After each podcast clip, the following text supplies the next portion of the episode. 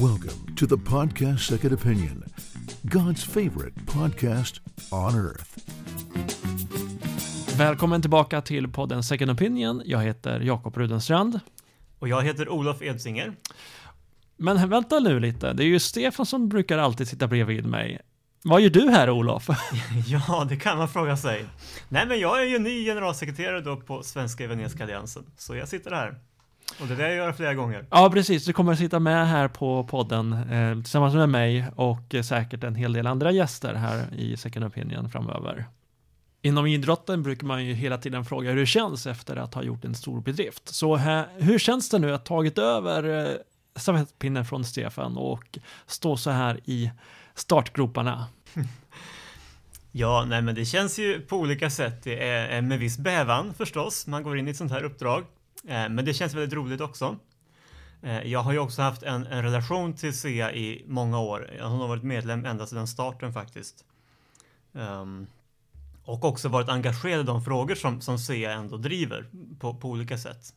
Uh, så att uh, det känns spännande och, och, och, också naturligt på det sättet. Men uh, det är ju nytt. Mm. Och viss bävan som sagt. Mm, det blir spännande att, att arbeta tillsammans med dig. Vad, vad skulle du beskriva vara det som det du bär på, eh, både att behålla från eh, din föregångare, men också eh, vad är det för nytt du kan bidra med? Du är ju du är betydligt yngre än Stefan, men eh, förutom det.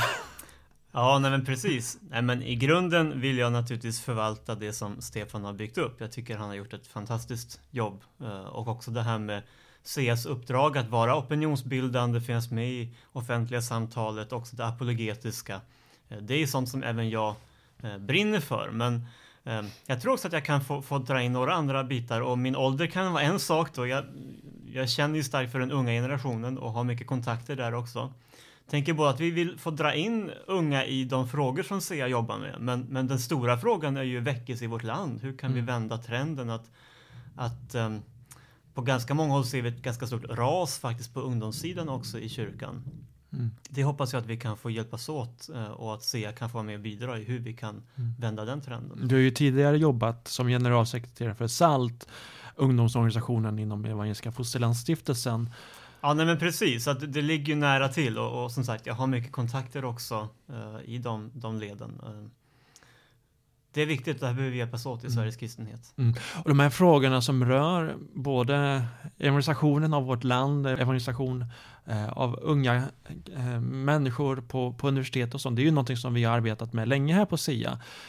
Bara idag så rapporterade tidningen Dagen om en ny studie från Uppsala universitet som beskriver hur sekulariseringen fortsätter i det svenska samhället och att vi inte direkt ser en en återkomst av religionen i, i, i den svenska folksjälen, kanske i, mer och mer i samhällsdebatten, men eh, det är knappast så att, eh, att Sverige blir mer och mer religiöst på det sättet, utan det är fortsatt eh, sekulariserat och skeptiskt inställd till de stora Eh, livsåskådningsberättelserna och, och, inte minst den kristna tron. Nej men precis, och, och egentligen, jag tycker det var intressant med den studien, jag tycker den bekräftar mycket av min egen bild också. Vi ser mer av religion utifrån att i media så talas det ju om Ja men vi har ju de här negativa sidorna med, med typ självmordsbombare och liknande men också att genom invandringen inte minst så har islam fått en mycket starkare ställning i samhället. Så där ser vi ju ett slags religionens återkomst men bland bland många vanliga svenskar är det tyvärr inte alls den trenden. Mm. Eh, utan det, det, bekräftas ju av den här undersökningen. Mm. Och den här undersökningen som vi, som vi just pratade om, den, den har utförts av Karl Reinhold Bråkenhielm som är professor emeritus i livsåskådningsforskning vid Uppsala universitet.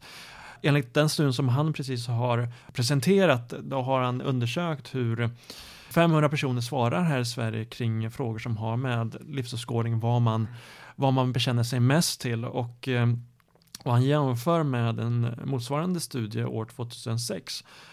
Och det han ser är att både gruppen traditionell religion, alltså där den kristna tron grupperas och gruppen spiritualism, ekologism, alltså det som man skulle i folkmun beskriva som new age, fortsätter backa i relation till den mätningen som gjordes 2006.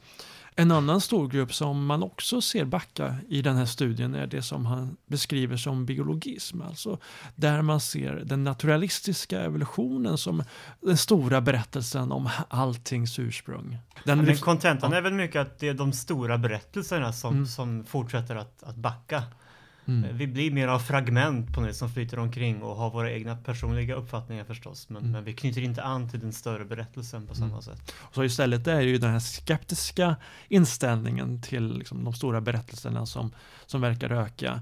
Och den här bilden som, som många har haft av att vi lever i ett lite mer av ett postsekulärt samhälle verkar ju bara stämma till viss del. Det kanske är vissa kulturskribenter på olika tidningar eh, vissa aktörer som, som beskriver sig själva och, och samhället i de ordalag. Men om man tittar på eh, breda folklagar, om man tittar på universiteten och högskolorna så är de ju väldigt eh, genomsyrade av, av sekulär humanism. Och det, det är ju någonting som också Stefan har skrivit om tidigare men som vi arbetar med här på, här på SIA, eh, att, att ge eh, argument och ge skäl för att bemöta de invändningarna som finns i universitetsvärlden. Nej men precis och, och, som sagt apologetik och opinionsbildning är ju fortsatt viktiga. Och samtidigt så tänker jag att allt det här pekar också på en annan sak och det är att vi framförallt behöver vi ju väckelse. Mm. Uh, och, och, att här behöver vi också um, bedja om, om en ny besökelsetid. Och jag tänker det är kanske också en sak som jag vill få jobba med, med genom att säga att, att få koppla samman ideologerna med bedjarna. Jag tror att vi behöver mobilisera både i i intellektuell skärpa och i, i bön och att liksom lyssna in Guds ledning i den här förvirrade tiden. Uh, och, och det, det, är en utmaning också vi står tillsammans med mm, många kristna mm. i vårt land. När det gäller samhällsdebatt så har du varit väldigt aktiv under den senaste tiden i frågor som rör samlevnad, sexualitet och identitet. Alltså stora frågor som berör väldigt många människor i vår, i vår samtid och även personliga frågor för en, för en hel del människor. Eh, du har ju även skrivit den här skriften som vi har gett ut som heter När minoritet, minoriteten tar majoriteten som gisslan. Där du granskar och analyserar den normkritiska pedagogiken som påverkar väldigt mycket av skolans undervisning och även queerideologin som, som finns här i, i bakgrunden av, av väldigt mycket av det här tänkandet bland, bland många pedagoger. Är det här någonting som du vill eh, fortsätta med i SEAs regi? Ja, nej men det är ju absolut så att det är en av de bitar som jag har, har försökt vara engagerad i sista tiden och ett huvudskäl till det är att jag har varit talesperson då för något som heter Nätverket för samlevnad och sexualitet. Och där har vi jobbat mycket med att lyfta de här frågorna ut mot samhället och skolans värld. Eh, så det är klart, som den talesperson där har jag jobbat mycket med det. Eh, sen, jag, menar, jag har skrivit 15 böcker så att det är svårt att säga, säga att det bara är I olika ämnen. Som, ja, i, I olika ämnen. Olika ämnen. Så det är svårt än... att säga att det bara är där jag är engagerad. Men jag tror att det här är ett jätteviktigt ämne och NFS bildades ju mycket i, i den här frustrationen över att RFSU flyttar fram positionerna i skolans värld. Och jag tänker den trenden ser vi ju både en, en slags allmän sexualisering av, av hela vårt samhälle. Um, och där man på vis tar sig väldigt stora friheter att dekonstruera traditionella värderingar.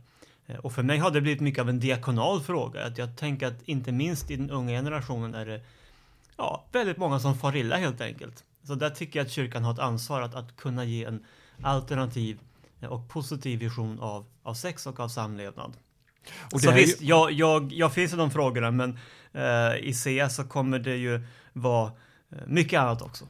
Man kan ju också säga att den här, många av de här frågorna är någonting som, som kyrkan och kristenheten i Sverige kanske inte har sökt, men man har stött på de frågorna. Man, man konfronteras hela tiden med de frågorna. Vad anser du som präst eller pastor om eh, om homosexualitet, om hbtq, om... Ja men absolut, och jag brukar säga det att som apologet väljer man ju på ett sätt inte sådana frågor. Mm. Det är samhället och tidsandan som avgör vilka frågor vi som kristna behöver jobba med.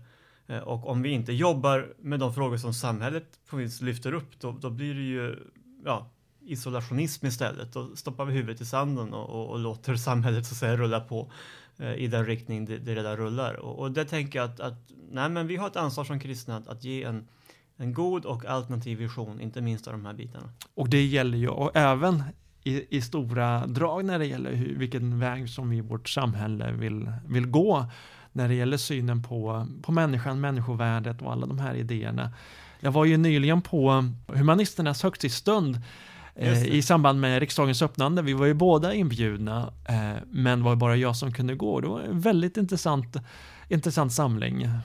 Ja, nej men och det var just en, en, alternativ typ av, av firande där. Och berätta lite grann mer om den, för det, ja, det är inte så många som har varit på dem Ja, det, det är ju, sedan ett antal år tillbaka så arrangerar ju Humanisterna ett, ett alternativ till den stora gudstjänsten som är i Storkyrkan i Gamla stan i, i Stockholm.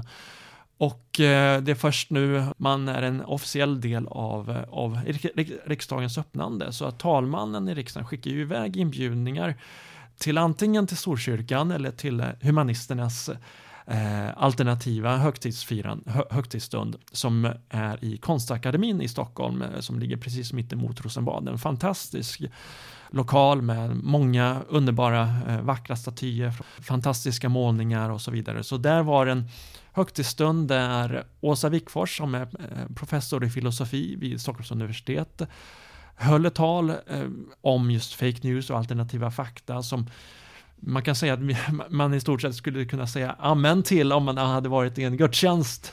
Mm. Eh, det är väldigt mycket där som vi håller med om. Både när det gäller att, att hålla spjärn mot, mot sanningsrelativismen och populismen i samhället och att vara en, en god, en konstruktiv samhällsröst. Sen är det ju den väldigt starka betoning som humanisterna har när det gäller att bygga ett sekulärt samhälle och bygga lagstiftning på en sekulär grund. Jag medverkade i en intervju som eh, man gjorde det med ett antal olika personer eh, som, var, som var inbjudna som gäster. Om man vill se den här intervjun så kan man se den via länken som vi har lagt in tillsammans med det här poddavsnittet. Och då fick jag frågan eh, varför är det viktigt att kämpa för ett, ett sekulärt samhälle? Och eh, det jag betonade där var ju att att samhället kan ju inte vara sekulärt utan måste vara pluralistiskt eller det är pluralistiskt på grund av att det finns massa olika livsåskådningar som representeras. Ja.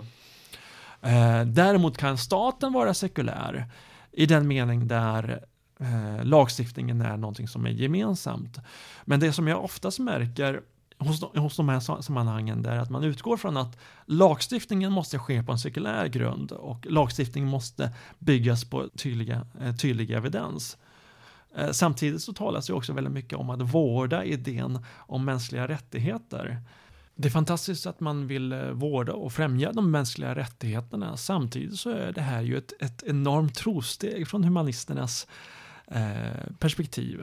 På grund av att utifrån ett sekulärhumanistiskt perspektiv, perspektiv så finns det ingen absolut grund för, rent filosofiskt för de eh, mänskliga rättigheterna utan det är en trosbekännelse, en konfession till, eh, till något det inte finns empiriskt bevis för. Man pratar ju väldigt mycket om att det inte finns några bevis för Gud, men jag skulle vilja säga att det finns lika lite bevis för de mänskliga rättigheterna. Både Gud och mänskliga rättigheter går ju inte att bevisa empiriskt, de är båda icke självklara och eh, mänskliga rättigheter är ju en, lika mycket en, en bekännelse till, till något som det inte finns några, några naturvetenskapliga belägg för. Hade det varit helt upp till naturvetenskapen att Eh, bygga en grund för, för de mänskliga rättigheterna så skulle de mänskliga rättigheterna kunna skapas, omskapas, omdefinieras, röstas fram av en majoritet eh, till nackdel för en minoritet. Men de mänskliga rättigheterna finns ju där för att den förtryckta minoriteten ska kunna säga till majoriteten som förtrycker dem att ni bryter mot de mänskliga rättigheterna mänskliga rättigheter är ju inte någonting som är naturligt på det sättet att det går att bevisas vetenskapligt. Så det går i väldigt styck i stäv med den sekulära humanismen. Nej, men det är väl därför vi behöver fortsätta ha en dialog mellan de här olika grupperna för att mm. allt för ofta tar man saker för givet som man faktiskt inte kan ta för givet och där kan vi kanske också som kristna påminna om att vi mm. trots allt bottnar i någonting som har ja, format både vårt samhälle och eh, bland annat också de här dokumenten. Det är ganska få värderingar som växer fram i ett vakuum. Mm. Eh, och det och, behöver vi också påminna oss om i Sverige. Ja, precis. Och vi alla måste kunna bejaka olika livsåskådningar, kunna ta sina moraliska övertygelser in i den offentliga debatten. Och det, mm. det är någonting som vi vill fortsätta uppmuntra, eh, inte minst kristna till att göra det här, på, eh, här genom arbete på SIA, att eh, vi är en del av Sverige. Vi, vi lever i ett öppet och fritt samhälle. Vi, vi har alla möjligheter i världen att bidra med vårt perspektiv, liksom alla andra grupper och har Mm. sin möjlighet och det ska vi ta tillvara. När det gäller eh, kristen, kristen tro i det offentliga så har ju den senaste frå stora frågan varit kyrkovalet. Nu är jag ju själv eh, EFK-are, baptist eh, och jag, jag har aldrig varit medlem i Svenska kyrkan men du däremot eh, Olof, Ja, och det uppmuntrande där kan väl jag personligen tycka är att, att det är så många nu som, som trycker på om att vi måste få bort det mer parti, partipolitiska inslaget i de här valen. Eh, så jag, jag är ganska hoppfull där att det på sikt måste bli en förändring. Eh, sen är ju det här ett, ett val, oavsett om man nu är medlem i Svenska kyrkan eller inte, så är ju det ett val som, som många av oss känner väldigt eh, kluvna inför. Um, Egentligen är ju det här också något slags kvarleva av ett statskyrkosystem, att man involverar befolkningen på det sättet man gör. Och jag menar, nu var det ju väldigt högt valdeltagande jämfört med tidigare. Ehm, och normalt är ju det någonting man är väldigt glad för när folk är engagerade och, jag vill liksom inte klaga på dem egentligen som går och, och röstar. Problemet som jag ser det är ju, är ju hela systemet. Men, men rent krasst har ju det höga valdeltagandet i det här fallet också gynnat de politiska partierna och det känns tråkigt. Mm. Och det är de politiska partierna som eh, är direkt representerade i kyrkovalet. Det är ju Socialdemokraterna, Sverigedemokraterna och Centern. Eh, sen finns det ju eh, vissa semipolitiska grupperingar kvar i kyrko, Ja, kyrkomötet. precis. de har klippt banden till, till liksom partistyrelser och liknande men har ju någon slags, Mm. de är ju part of the family ändå. Precis, precis. Jag gjorde ju en, gjorde en sökning för ett tag sedan på både Centerns, Sverigedemokraternas och Socialdemokraternas partiprogram när det gäller kyrkovalet på ord som Bibeln, eh, på Jesus, på Gud, på den helige Ande. Ingen av de orden förekom i, i de här partiprogrammen. Däremot väldigt mycket om tradition, om solidaritet, eh, om eh, viktiga frågor för nästa års riksdagsval, men knappast för, ett, för, för frågor som rör själva eh, essensen i en kristen kyrka.